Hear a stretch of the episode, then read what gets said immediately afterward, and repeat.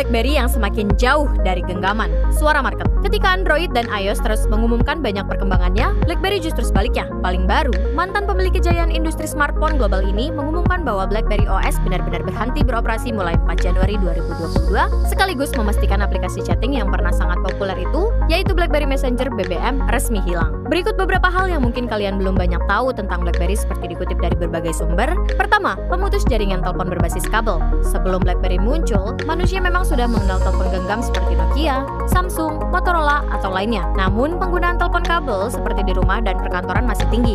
BlackBerry kemudian muncul dengan BBM-nya dan sejak itulah telepon kabel perlahan mulai ditinggalkan sampai sekarang. Kedua, paling aman. Banyak yang menyebut dan bahkan BlackBerry sendiri mendeklarasikan sistemnya adalah yang paling aman di era ponsel cerdas. Ketiga, salah satu simbol kemewahan zaman milenium. Mulai booming pada sekitar tahun 2000 dan resmi masuk Indonesia pada tahun 2004. Keempat, sinyal kuat. Entah fakta atau tidak, tapi katanya saking kuatnya jadi bikin orang yang pegang BlackBerry di tempat terbuka rawan kena petir. Hmm, masa sih?